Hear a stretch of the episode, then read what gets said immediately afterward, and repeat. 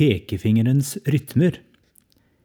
Til disiplene sa Jesus en gang, Kom med meg til et øde sted hvor vi kan være alene og hvil dere litt. Pekefingeren handler om hvile fra hverdagen, om å trekke seg tilbake fra verden, eller legge ut på kortere eller lengre reiser. Hvile er i denne sammenheng mer enn å ligge på sofaen, selv om det også kan være nødvendig til tider. For jødene handler hvile om å gjøre noe annet enn det man gjør i hverdagen. Derfor kan den ukentlige hviledagen, sabbaten, fylles med nesten hva som helst, men den kjennetegnes av at den innebærer en tempoveksling fra hverdagen, og den er ikke belastet med et prestasjonskrav. Du vil finne litt mer om sabbatshvilen i dette kapittelet. Fra tid til annen handler pekefingeren om å reise bort fra vårt hjemsted, så Gud kan få skape noe nytt i oss. Mange vil assosiere den åndelige reisen med pilegrimsmotivet i den kristne livssyklusen. Til alle tider har kristne lagt ut på kortere eller lengre reiser.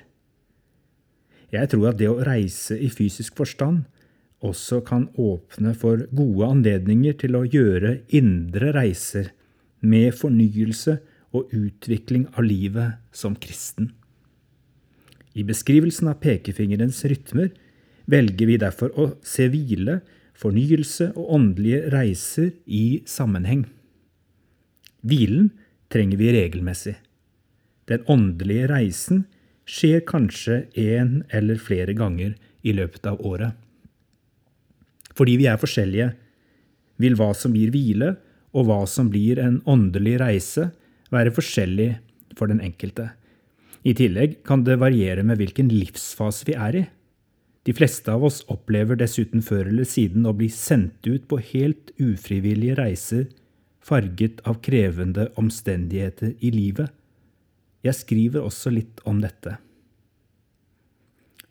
For noen kan ferien alene med venner eller familie være en åndelig fornyelsesreise, enten man reiser langt eller er på en hytte i nærheten.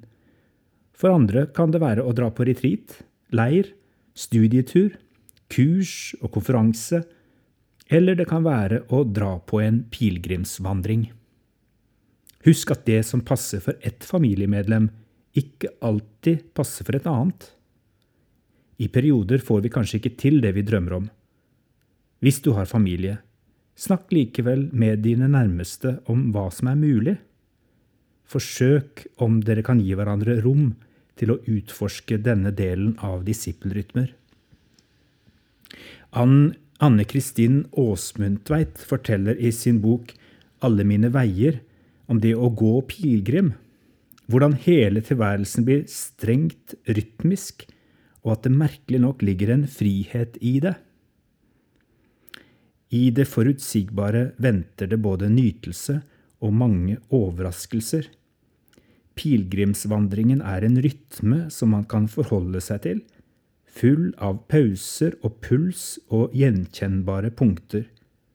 Noen overfører det til sitt åndelige liv, de lar seg utfordre til bønn og bibellesning til bestemte tider på dagen som om det var måltider, og finner en stor frihet i det.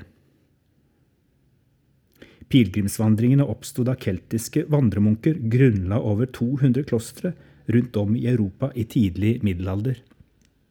Vandremunkene forente den indre reisen, pilegrimsvandringen, med misjonsreisen. I motsetning til andre munker var de keltiske munkenes misjon ikke spesielt organisert. Det sies at noen la ut på reise til sjøs uten seil og årer. De nådde så langt som til Hebridene, Shetlandsøyene, Færøyene og Island, hvor det er funnet rester av keltiske kors og kirker. Merk at dette ikke var pilegrimsferder mot et fast valfartsmål med håp om helbredelse eller velsignelse som viktigste begrunnelse. Det var et oppbrudd og en ferd ut i det ukjente og det fremmede, der ferden i seg selv og det den førte med seg, var hovedsaken.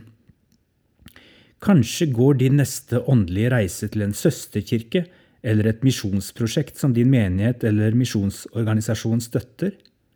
Jeg forteller i dette kapitlet hvordan en slik misjonsreise for meg ble en åndelig reise til fornyelse og forandring. Da tok han dem med og trakk seg tilbake, bortover mot en by som heter Betzaida, for å være alene med dem, står det i Lukas kapittel 9.